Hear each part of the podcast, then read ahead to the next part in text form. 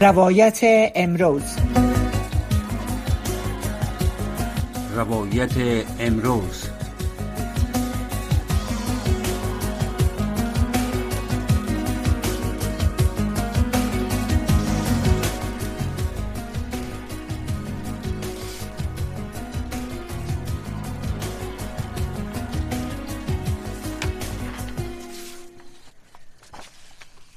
سلام و وقت بخیر. شنونده های عزیز رادیو آشنا صدای امریکا سلام. امیدوارستم در هر کجای که هستین صحت سلامت باشین و شنونده برنامه روایت امروز باشین. در نیم ساعت آینده ما فرخنده پیمانی میزبان شما عزیزان هستم و با مهمانان برنامه برنامه خود را آغاز می‌کنیم. اما قبل از که مهمانان را ما معرفی بکنم موضوع برنامه را امروز روی موضوع زنان روی موضوع آموزش و همچنان کار زنان در افغانستان. موضوعی که همه نهادهای ملی و بین المللی در افغانستان روی از این موضوع صحبت می‌کنن و اما تا هنوز هم به نتیجه نرسیده. خب در این برنامه ما مهمانای گرامی هم خود داشتیم که قاضی لودین که سالهای زیاد در سیستم قضایی افغانستان کار کردن مخصوصا در بخش حقوق زن در اسلام زیادتر تحقیقات انجام دادن و ورکشاپ های در افغانستان داشتن. و فعلا در ایالات متحده امریکا در ایالت کالیفرنیا زندگی می‌کنن. اونا رو به برنامه خود داشتیم و همچنان یکی از فعالین حقوق زن از افغانستان فرح مصطفوی نیز با ما در برنامه خود بود. خب قبل از اینکه ما خوش آمدید بگویم مهمانای برنامه را می‌پردازیم به ای که چی داریم در برنامه. البته موضوعی که رویش ما بس می‌خوایم بکنیم موضوع امروز روز دوشنبه البته قرار است اتحادیه اروپا یک نشست در مورد وضعیت روان در افغانستان با ویژه زندگی زنان و دختران که شامل موضوع آموزش و کار زنان در افغانستان میشه برگزار بکنه. البته اتحادیه اروپا پیش از این هم در اعلامیه های خود در مورد این نشست نوشته بود که وزرای خارجه و مسئولان این اتحادیه بر موضوع کنار گذاشتن دختران و زنان از تحصیل در پوهنتون ها و کار در مؤسسات غیر دولتی در افغانستان تمرکز خواهند کرد در این نشست. و همچنان قرار است اتحادیه اجلاس را در مورد افغانستان در بروکسل برگزار کنه و در اعلامیه هم آمده که وزیران و مقام های این اتحادیه به ممانعت بر آموزش و بانوان در پاهنتون ها و وضع محدودیت ها بر کار و تحصیل دختران و زنان در افغانستان در این نشست بحث و گفتگو خواهند کرد. خب موضوعی که بیشتر بهش پرداخته شده شماری از فعالان حقوق زن در پایان سفر حیاتی که به رهبری معاون سرمنشی سازمان ملل متحد به افغانستان و همزمان با توییت جدید در بخش زنان به افغانستان سفر کرده بود گفته که شماری از فعالان حقوق زن می‌گویند که جامعه جهانی به شمول سازمان ملل متحد تنها به توییت ها اعلامیه ها و نشست های رسمی برای حمایت از حقوق زن در افغانستان تکیه می‌کنن و هیچ اقدام عملی گفتن نمی‌کنن. و خواستار آوردن فشار بیشتر بر طالبان در زمینه حقوق زنان و دختران شده. در این مورد ما مهمان های برنامه خود را البته برنامه خوش آمدید میگیم. مهمانای برنامه خود به برنامه خوش آمدید میگیم و در مورد از ما از آقای لودین سوال می‌کنیم که با وجود که نشست های مختلف درباره محکومیت وضع بر زنان و دختران در افغانستان برگزار میشه نه تنها کشورها بلکه سازمان های بین المللی که شامل سازمان ملل متحد و همچنان سازمان های اسلامی هم می باشد چی فکر می‌کنین که جهان در برابر طالبان چی گزینه فعلا در دسترس داره صبح خانم پیمانی پیمانی و برای مهمان عزیز شما. و علیکم السلام بفرمایید. برای شنونده های محترمتان قبل از اینکه به سوال شما پاسخ بدیم می‌خواهم که کوتاه یک مرور کنیم که ما در اسلام دولت را متشکل از پدران روحانی که اصطلاح به اصطلاح رجال دین نامیده می شود اشنایی نداریم. یعنی دین ما به این چیز اشنایی نداره. ممکن است از مردم دارای پاره تخصص های مربوط به شناخت قرآن و سنت باشد. اما این گونه تخصص ها و چنان تحقیقاتی که از افقهای گسترده فرهنگ و تمدن اسلامی فراتر نمی رود فرهنگ و تمدن که دانش ها و فنون بشمار از حقایق هر دو زندگی دنیا و آخرت و معرفت های مادی و معنوی را در بر می گیرد یعنی ما میتانیم که عالمان دین عالمان به کتاب و سنت بخشی از جامعه مسلمانان هستند. گاهی ممکن است مانند دیگران پایین یا بالاتر باشد. اما در درخشانترین مراحل تاریخ تخصص در فقه و یا تخصص در حدیث و یا تخصص در تفسیر کسی را کندید رهبری و زمامداری ننموده است. بناهن وقتی که ما می‌بینیم که قرآن میگه که اینی وجدت امرأة تملكهم و اوتیت من كل شیء و لها عرش عظیم داستان احد هستند برای سلیمان علیه السلام میگویند که من زنی را دیدم که بر آنان حکومت میکنه و همه چیز به أو داده شده و به خصوص تخت سلطنت بزرگی دارد که داستان بلقیس هستند. دین اسلام یک دین کامل و جامع هستند. ان دین عند الله الاسلام. و من یبتغی غیر الإسلام دینا فلن يقبل منه. در این دین در دین ما و شما که الحمدلله با دین اسلام مشرف هستیم حق هر فرد آن محفوظ گردیده است. سهمگیری در امور سیاسی انجام دادن فعالیت های سیاسی و خدمت نمودن به دین وطن و مردم. از طریق وجیبه هر مرد و زن در دین شناخته شده. و قرآن کریم و احادیث رسول اکرم صلی الله علیه و سلم در این رابطة هیچ معنی وجود ندارد. اشتراک در أمور سیاسی اگر حق باشد و یا مسئولیت باشد زنان حق و مسئولیت سهمگیری را در این اشتراک دارد. دین اسلام در این مورد کدام ممانعت را وضع نکرده و متولیان امور فیلی کشور ما از دین اسلام یک تفسیر استبدادی راجع به حقوق زن گرفته. و علتشان هم این هستند که اینها اکثریتشان در مدارس و مساجد بزرگ شدن و مهر مادری را ندیده. و برای هر زن شما می‌بینین که در مطبوعات وقتی که سخنگویای اینها میشینن هر زن را با الفاظ بسیار نامناسب و تمام زنها را با الفاظ نامناسب و اونا مسما می‌کند که این گناه بزرگی هستند. اینجا هستند که اگر یک زن مؤمن بسواد جاهل بیگانه با محیط بیرون و محروم از فعالیت های اجتماعی و حتی با علت بسوادی به خبر از اصول و ارکان دین باشد آیا این زن می تواند مرد را یاری کند؟ و حتی بنابر فرموده الهی یا ور مرد باشد. قرآن چی میگویند یسألونک ماذا أحل لهم؟ قل أحل لكم الطیبات وما علمتم من الجوارح مكلبين تعلمونهن مما علمكم الله. فكلوا مما امسكن عليكم واذكروا اسم الله عليه واتقوا الله إن الله سريع الحساب. الله جل جلاله برای همه ما أمر میکنه حکم در قرآن.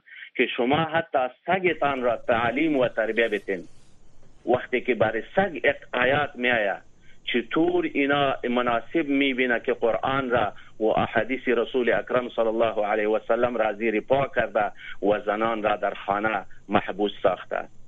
در هیچ دین در هیچ دین اسلام در هیچ جای وجود ندارد که زن کار نکند. زن حقوق سیاسی نداشته باشد.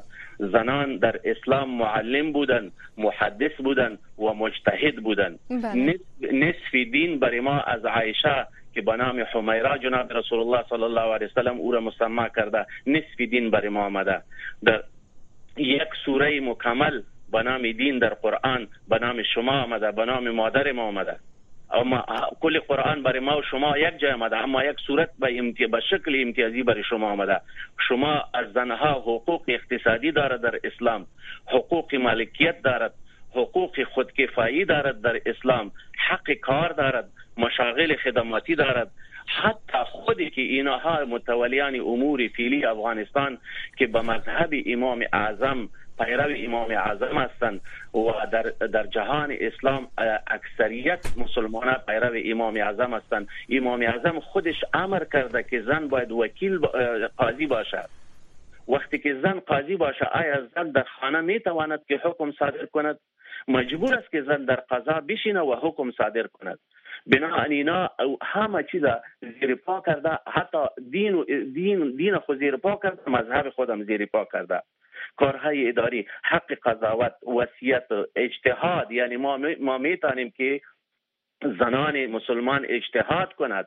و حقوق سیاسی زنان که در پارلمان اشتراک کنه وزیر شوه صدر اعظم شوه والی شوه این برش اسلام داده و در انتخابات و قسمی که در جناب رسول الله صلی الله علیه و سلم در مکه و مدینه زنان بعیت میکردن امروز امو بعیت به شکل انتخابات هستند که زن میتونه خود را با پارلمان کاندید کنه و یا دیگه کسی را کاندید کنه حق انتخاب همسر دسترسی زنان به. عدالت رسمی حق میراث حق نفقه. اگر یک زن میلیونر میلیونر باشد نفقهش سر شوهر حق هستن. حق حضانت کودک. و حتی این حق اسلام برای زن میته که یک زن بگویه برای شوهر خود که ما برای طفل شما هیچ شیر نمیتم. ما برای تان هیچ نان پخته نمی کنیم برای ما از بازار نان پخته بیاریم بله.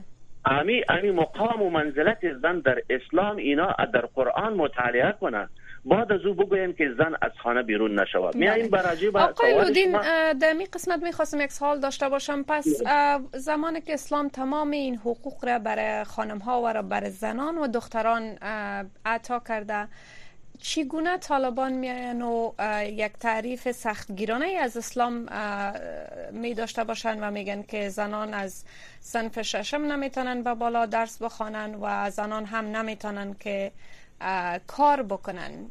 یعنی چی فکر می‌کنین؟ به نظرتان این گونه روایت و یا تعریف سختگیرانه از اسلام برای طالبا از کجا میایه و چگونه اینا انگیزه می‌گیرن؟ اینمی تفسیر استبدادی طالبان و عدم آگاهی اینها از اسلام که حتی بسیاریشان قرآن کریم را هم سی تلاوت کرده نمی‌تونه و به وضع قاف قاف میگه و به وضع قاف قاف میگه و به وضع فی پیر استعمال می‌کنه معاون حج و قاف برای برای حجاج خداحافظی می‌کنه و برش میگه که الله فاک به وضع پیپ پیر استعمال می‌کنن اینا آدم آگاهی اینا از اسلام هستند و در عموم و عموم و عمو کسایی که اینا را تربیه کرده اونا برشان چند کتاب داده. و چند کتاب برشان داده دخترای اونها کلشان در در تعلیمی در پانتونه ها هستن. اما برای از اینطور گفته شده که اینطور اینا همینطور تربیه شده سوسوی مغزی شده.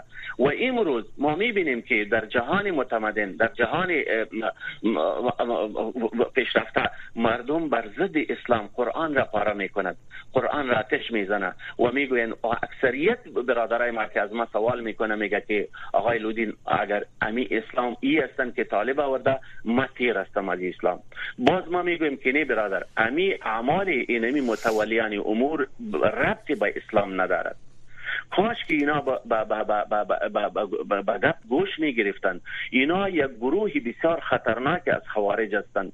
وقتی که شما اگر فرصت بودن در برنامه بعدی که ما خوارج را تعریف کنیم اینا بله. صرف به مورای خود اعتماد دارد و رای اینا باطل هستند. اینا مشروعیت دینی ندارد به هیچ شکل ما از طفولیت که از مدرسه خواندیم و شریعت خواندیم و تخصص در اسلام گرفتیم هرچی که قرآن و حدیث میپالم اعمال اینها را پیدا کرده نمی‌تونیم. اینا یک تفسیری استبدادی را از اسلام گرفته که اسلام را بدنام می‌کند و در لباس اسلام اینا دشمنان اسلام هستند. بله. جناب رسول الله صلی الله علیه و سلم در, در, در غزوات زنها شرکت کرده.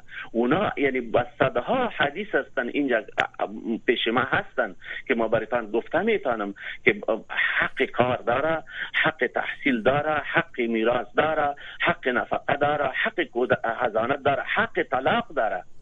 حق طلاق داره. یعنی طلاق تفریق به سبب عیب هستن تفریق به سبب غیابت هستن و خل هستن که مردم میگه که زن حق طلاق نداره. نه اونجا برشان باید مطالعه شود. طلاق یک چیزی هستن که او را مرد بریزو صلاحیت داده شده که زن بسیار مهربان هستن. بسیار مهربان هستن. خدا نخسته به یک گپ عادی باید شوهر خود میگه ما از تو جدا میشیم. ولی در پهلویشان خل هستن. به سبب غیابت هستند به سبب مشکلات دیگه مشکلات فیزیکی هستند یعنی زن حق داره اگر یک یک شوهر برای ده سال بندی شود محبوس شود در جیل در محبس و و پنج سال تیر کنه این زن حق داره که به قاضی مراجعه کنه و طلاق خود بگیره و به صدها مثال در قرآن اگر ما مراجعه کنیم متاسفانه متاسفانه که علمای ما چیزایی را هم فعلا گفته نمی‌تونه چون در شرایط بد قرار دارد و در او هم مشکل بودن برشان. یعنی امو حقایق اسلام را برای مردم گفته نمی‌تونن ما همیشه برای مردم می‌گوییم که هم وطن عزیزیم اعمال طالب و گفتار طالب هیچ ربطی به دین مبین اسلام ندارد. طالبان از دین مبین اسلام یک تفسیری استبدادی گرفته است و در لباس اسلام دشمنان اسلام هستند. ما ما ما هم طالب هستم. ما هم ملا هستم. ما با طالب کدام دشمنی شخصی ندارم که حرفا رو می‌زنم. یا موقف مرا گرفته یا خانه مرا گرفته یا زندگی مرا کشته یا دیگه نی ما به خاطر اسلام خود به خاطر دین خود دیگه پاره می‌زنیم. که اینها هیچ اعمال اینها هیچ ربطی به اسلام ندارد.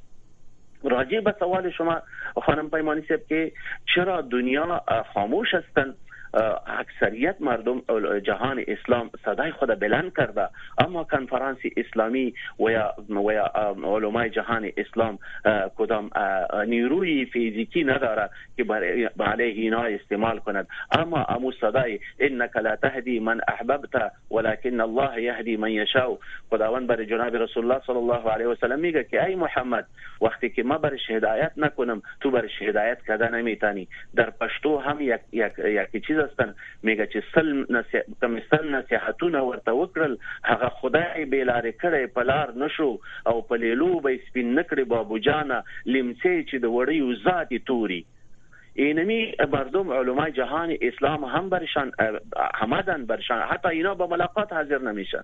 وقتی که ما صدای امیر المؤمنین نمیشنیم وقتی که امیر المؤمنین کی بودن؟ حضرت عمر رضی الله تعالی عنه بودن ببینین ببینین اینا پیش یک والی کس رفتن نمی‌تونه پیش یک اسکر کسی رفتن نمی‌تونه او اونجا در قنج مسجد یک زن شیشته برای سیدنا عمر رضی الله تعالی عنه میگه میگه ای بچی خطاب تو غلط کردی در مورد مهر.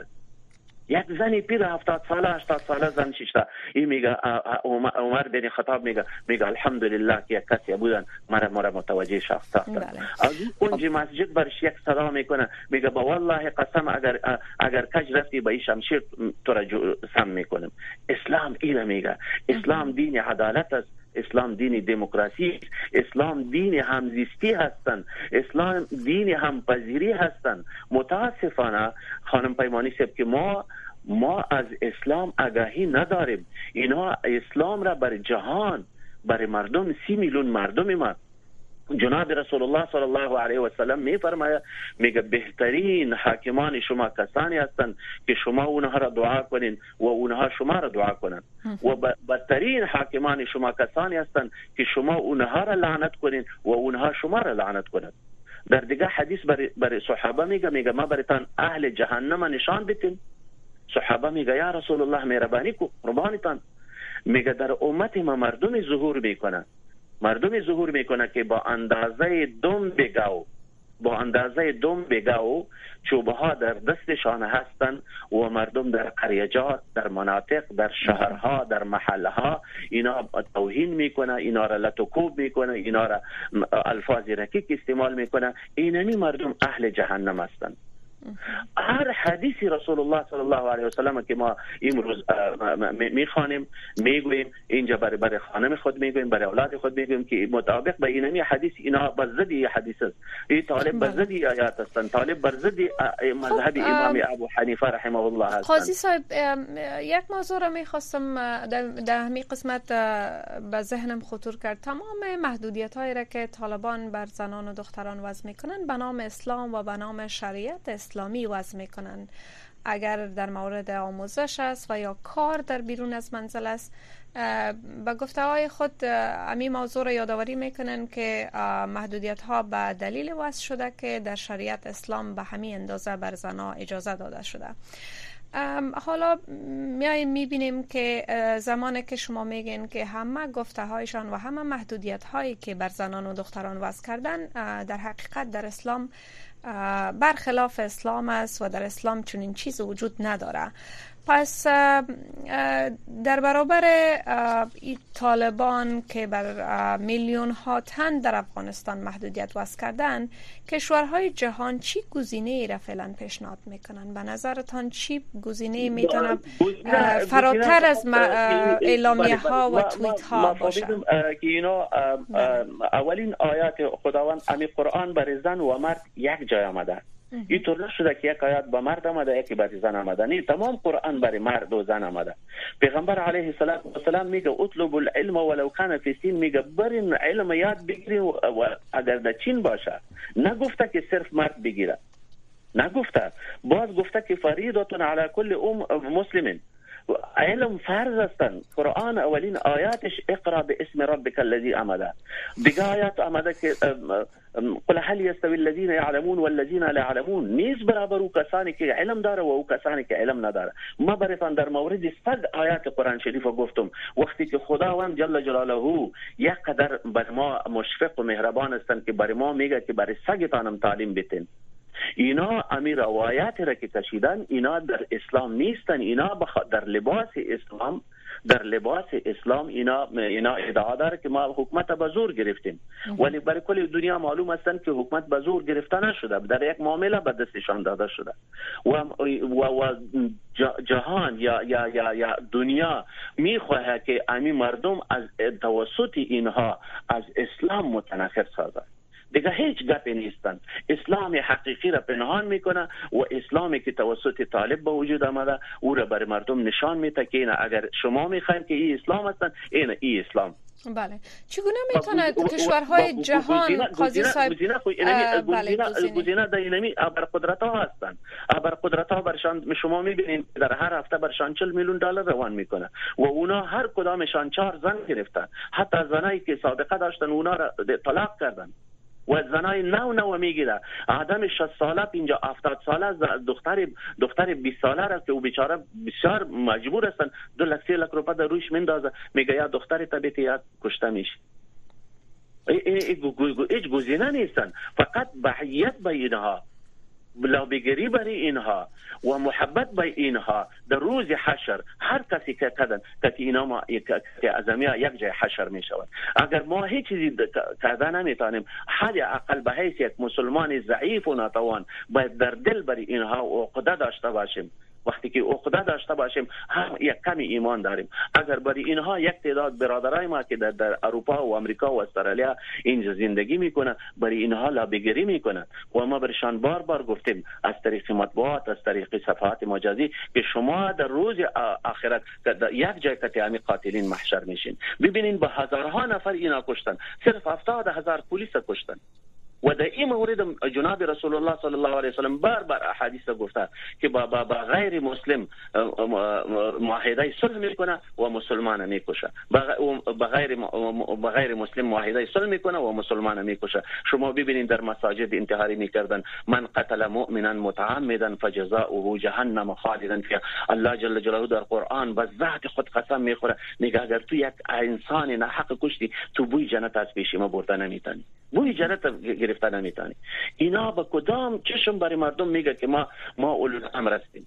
اینا اولو الامر نیستن اینا ظالم ترین و و جابر ترین مردمی هستند که فرعون قارون و هامان و این این چیزی از عین مردم را. هیچ حاکمیت دیدی در اسلام بپالین خواهر عزیزیم شما به حیث یک ژورنالیست به حیث یک محقق و ریسرچ که می‌کنین در اسلام بپالین که حاکمیت دینی هیچ وجود نداره اینا از کدام کدام مرجع میگه که ما حاکم دین هستیم نه ما او وقت حاکم قبول داریم که ما خود ما اونا را انتخاب کنیم با اونا بیعت کنیم اونا را ببینیم. و برای حضرت عمر رضی الله تعالی عنه میگه میگه به الله قسم می‌خوریم اگر در سر دریای دجله یک حیوان تشنه بمانه در روز قیامت از ما پرسان میشه. در اسلام حکومت داری به نظرتان آقای لودین تا چه زمان طالبان می‌تونن به این شکل پیش برن؟ البته بیشتر از هفته ما از حاکمیت طالبان بر افغانستان میگذره و وضع محدودیت ها بر زنان و دختران هر روز بیشتر میشه با آنکه اعلامیه ها صادر میشه از سوی نهادهای بین المللی و سازمان های بین المللی باز هم کدام تغییرات در اقدامات و عملکرد طالبان نیامده. به نظرتان تا چه زمانه و تا کجا می‌تونن اینا پیش برن؟ یک یک در فارسی یک چیز هستن. میگه چراغ ظالم یک شب میسوزد اگر سوزد دیگه شب نمیسوزد. فرعون هم دعوای خدایی کرده بودن. و بیچاری ابلیس علیه لعنت هم به یک سجده به او شکل شدن. اینا او دفعه پنج سال دوام دادن و این دفعه خو تصمیم داره که برای ابد الابد باشه. برای ابد الابد. و تمام معدنیات و تمام دارایی و تمام زیربناهای ما را به بادرای خود تسلیم کردن. خانه هایشان اموجه هستند هنوز خانه های خود ناورده اینا در دفاتر زندگی می‌کنه دفاتر میز و چوکی رو طرف کرده و تفدانی نصار خود همونجا مانده و, و هر چی که می‌کنه هر مرداری که می‌کنه امور می‌کنه. حتی امون اضافت اسلامی رو مراعات نمی‌کنه. که اسلام چقدر نظیف هستند چقدر پاک هستند اینا به می حماقت خود دوام تا که مردم ما بیخی بیخی از امو اسلام متنفر شود. امی حال متنفر هستند شما باور کنین خواهر محترم. اگر امروز دروازه های افغانستان باز شود آمیال اینا یک پاسپورت از دو هزار گرفته تا به هشت هزار دلار اینا میفروشه اما در بیرون میگه که مشکلات تکنیکی ما داریم. مردم همو همو زندگی خود میفروشه. خب پاسپورت میگیره. اگر دروازه های افغانستان خلاص شوه.